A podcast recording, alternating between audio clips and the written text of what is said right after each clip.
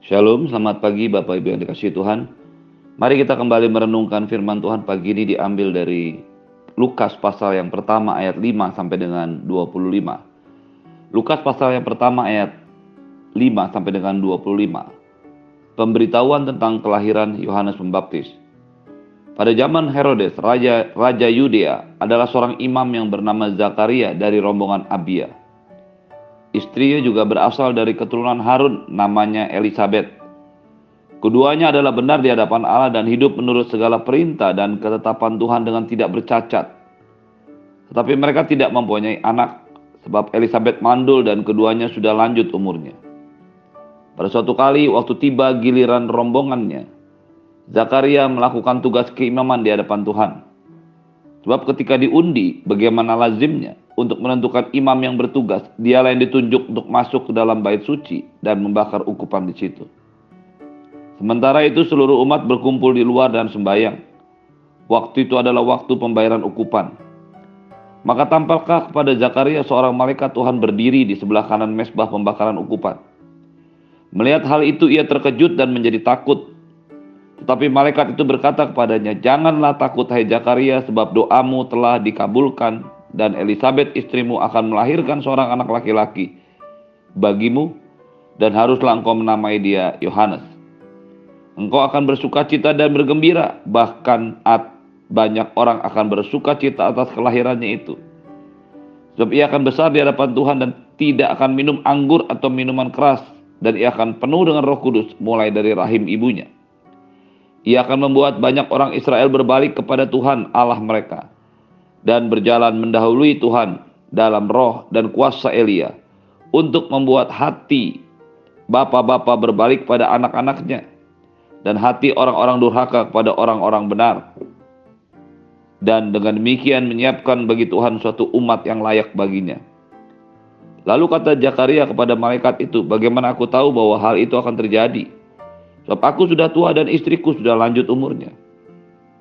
Jawab malaikat itu kepadanya, Akulah Gabriel yang melayani Allah dan aku telah diutus untuk berbicara dengan engkau dan engkau untuk menyampaikan kabar baik ini kepadamu.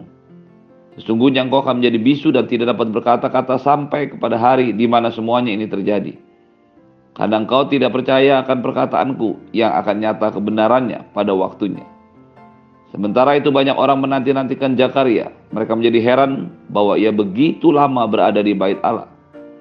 Bait suci Ketika ia keluar, ia tidak dapat berkata-kata kepada mereka dan mengertilah mereka bahwa ia telah melihat sesuatu penglihatan di dalam bait suci. Lalu ia memberi isyarat kepada mereka, sebab ia tetap bisu. Ketika selesai jangka waktu tugas jabatannya, ia pulang ke rumah. Beberapa lama kemudian Elizabeth istrinya mengandung. Dan selama lima bulan ia tidak menampakkan diri. Katanya, inilah suatu perbuatan Tuhan bagiku dan sekarang ia berkenan menghapuskan aibku di depan orang. Bapak Ibu yang dikasih Tuhan, Injil Lukas yang ditulis oleh Lukas merupakan suatu Injil yang sangat lengkap menyampaikan berita atau pesan yang sudah terjadi pada zaman waktu itu. Ketika Matius dan Markus menuliskan Injilnya, mereka menceritakan tentang awal pelayanan Tuhan Yesus ketika ia dibaptis. Maka Injil Lukas memulai berita dan pesannya lebih dulu dengan menceritakan apa yang terjadi pada saat Yohanes Pembaptis disiapkan Tuhan untuk melayani. Dengan demikian kita melihat sebuah kekayaan rohani yang sangat luar biasa dari kitab Lukas. Bagaimana Allah merencanakan segala sesuatu walaupun mata jasmani kita sering tidak melihat apa yang sebenarnya sedang dikerjakan Tuhan. Apa yang sebenarnya sudah direncanakan Tuhan. Apa yang sebenarnya sedang disiapkan oleh Tuhan. Ketika Tuhan mau menggenapi rencananya dalam hidup manusia dalam sejarah manusia dan pastinya juga dalam sejarah dan hidup Anda dan saya. Ketika tidak ada seorang yang mengetahui apa yang sedang terjadi, Tuhan sedang bergerak menyiapkan segala sesuatunya. Itulah sebabnya mengapa Injil Lukas dituliskan untuk memberikan sebuah kebenaran rohani yang sangat luar biasa. Bagaimana pekerjaan Tuhan terus dilakukan. Apa yang direncanakan Tuhan terus dikerjakan Tuhan. Tuhan menyiapkan segala sesuatu secara lengkap, detail, dan terencana. Sehingga semuanya tepat akan menghasilkan sebuah kebenaran rohani yang sangat luar biasa. Pada zaman Raja Herodes, Raja Yudea, ketika orang-orang Israel terus menyembah Tuhan di bait suci yang ada, dipimpin oleh imam-imam. Ada seorang imam yang bernama Zakaria dan istrinya yang bernama Elizabeth. Kedua orang ini adalah keturunan imam Harun. Karena dikatakan istrinya juga berasal dari keturunan Harun. Kita tahu imam adalah orang yang melayani Tuhan menurut suku Lewi, suku yang ditetapkan Tuhan untuk menjadi imam. Zakaria berasal dari rombongan Abia. Kalau kita belajar ke belakang sebelumnya, kita melihat Abia ini adalah salah satu keturunan daripada Harun yang berasal dari anaknya yang sulung Eliezer dalam satu Tawarik 24 ayat 10 yang kedelapan adalah Abia, satu rombongan yang akan melayani Tuhan. Rombongan yang kedelapan adalah rombongan Abia yang merupakan keturunan Eliezer, anak sulung Harun. Ketika kita melihat apa yang terjadi dalam perjanjian lama, ketika Tuhan membawa orang Israel keluar dari Mesir, tinggal dalam tanah perjanjian, di tanah perjanjian Kanaan.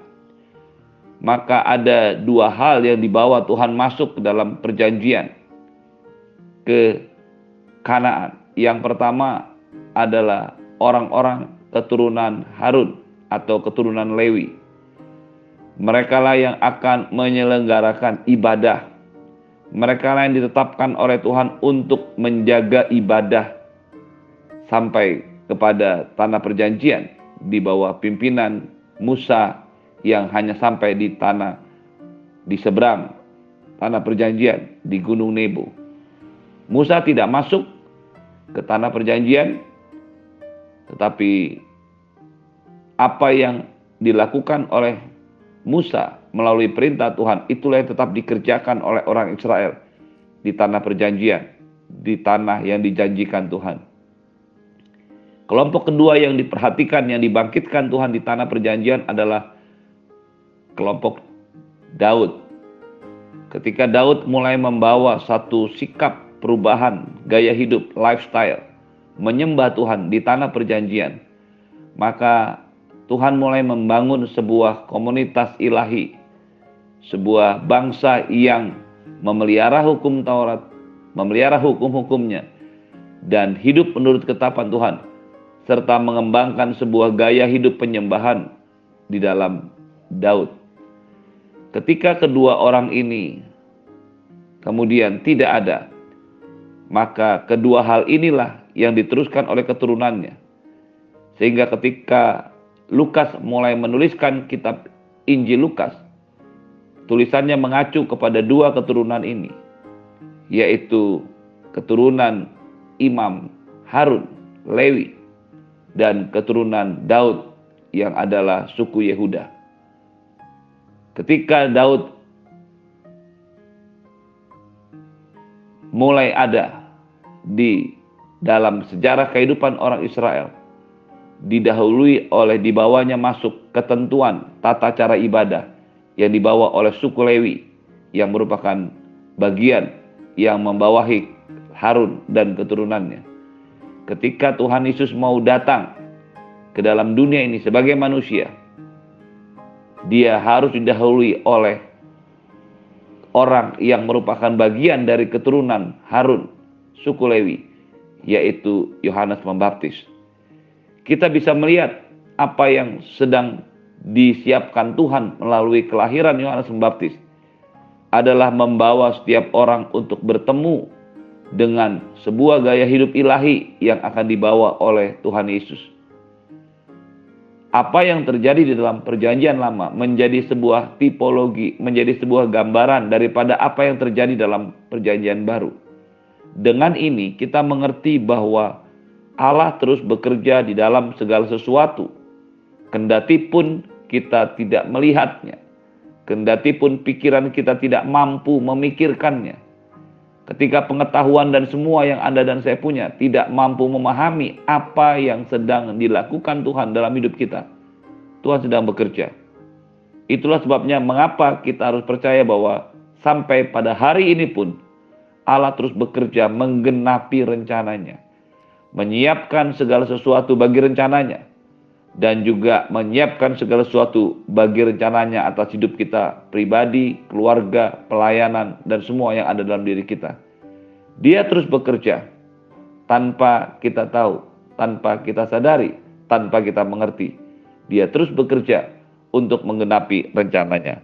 Lihatlah bagaimana Tuhan menyiapkan kemunculan Yohanes Pembaptis mendahului kemunculan Yesus sebagai manusia. Malaikat Gabriel diutus mendatangi Zakaria dan Elizabeth.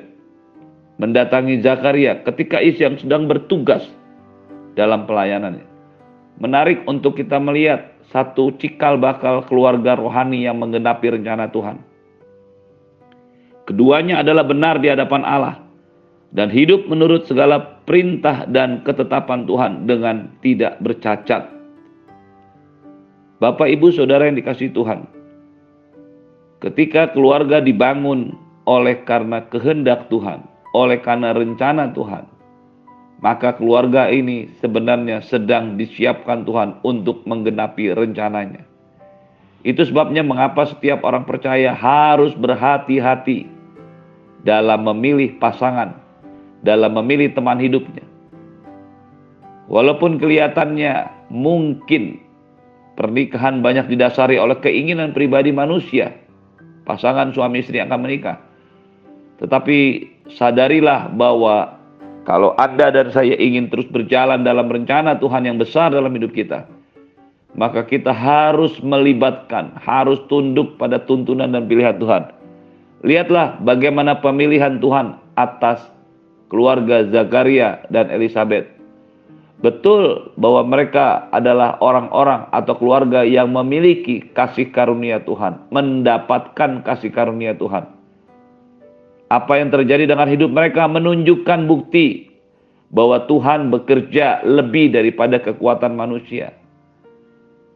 Zakaria menyadari dia sudah lanjut usianya dan juga istrinya sudah tidak mungkin lagi melahirkan atau mempunyai anak. Dengan tegas ayat yang ketujuh mengatakan Elizabeth mandul dan keduanya telah lanjut umurnya.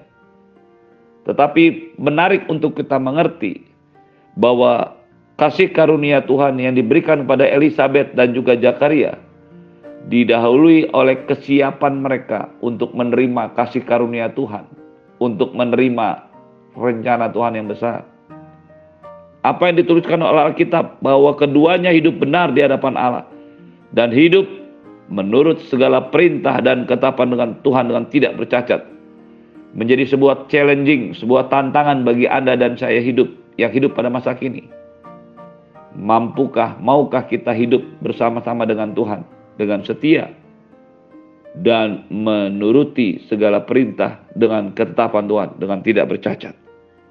Ketika akhirnya kesempatan rencana Tuhan digenapi dalam hidup kita, maka rencana Tuhan yang digenapi itu akan datang kepada orang yang tepat kepada keluarga yang tepat, kepada orang yang hidup menurut ketetapan dan janji Tuhan. Kasih karunia yang Tuhan berikan kepada kita tidak menghilangkan tanggung jawab Anda dan saya untuk hidup benar di hadapan Tuhan. Untuk mengarahkan hati Bukan hanya sekedar berkata-kata, tetapi bertindak. Pada akhirnya, semua yang Anda dan saya percayai dan imani dalam hidup ini haruslah tampak dalam kehidupan kita sehari-hari. Bukan sekedar retorika atau deklarasi, tetapi sebuah kenyataan iman yang nyata dalam hidup sehari-hari. Ketika saudara dan saya menyadari ini, maka kita akan terus hidup taat kepada Tuhan dan tidak lepas, tidak jauh, tidak menolak kasih karunia Tuhan. Pastikan Anda dan saya sedang berjalan dalam rencananya Tuhan. Pastikan Anda dan saya sedang hidup menurut ketetapan Tuhan. Pastikan Anda dan saya siap menerima kasih karunia yang Tuhan berikan kepada kita pada waktu Dia menyatakan kehendaknya dan kekuasaannya tinggal dalam hidup kita. Semua yang tidak mungkin menjadi mungkin, semua yang tidak bisa menjadi bisa ketika Anda dan saya hidup benar di hadapan Tuhan dan kasih karunia Tuhan turun ke atas kita. Terimalah berkat yang berlimpah dari Bapa di surga, cinta kasih dari Tuhan Yesus, penyertaan yang sempurna daripada Roh Kudus, menyertai hidupmu hari ini dan sampai selama-lamanya. Dalam nama Tuhan Yesus, semua yang percaya katakan, Amin. Shalom, selamat pagi. Tuhan Yesus memberkati.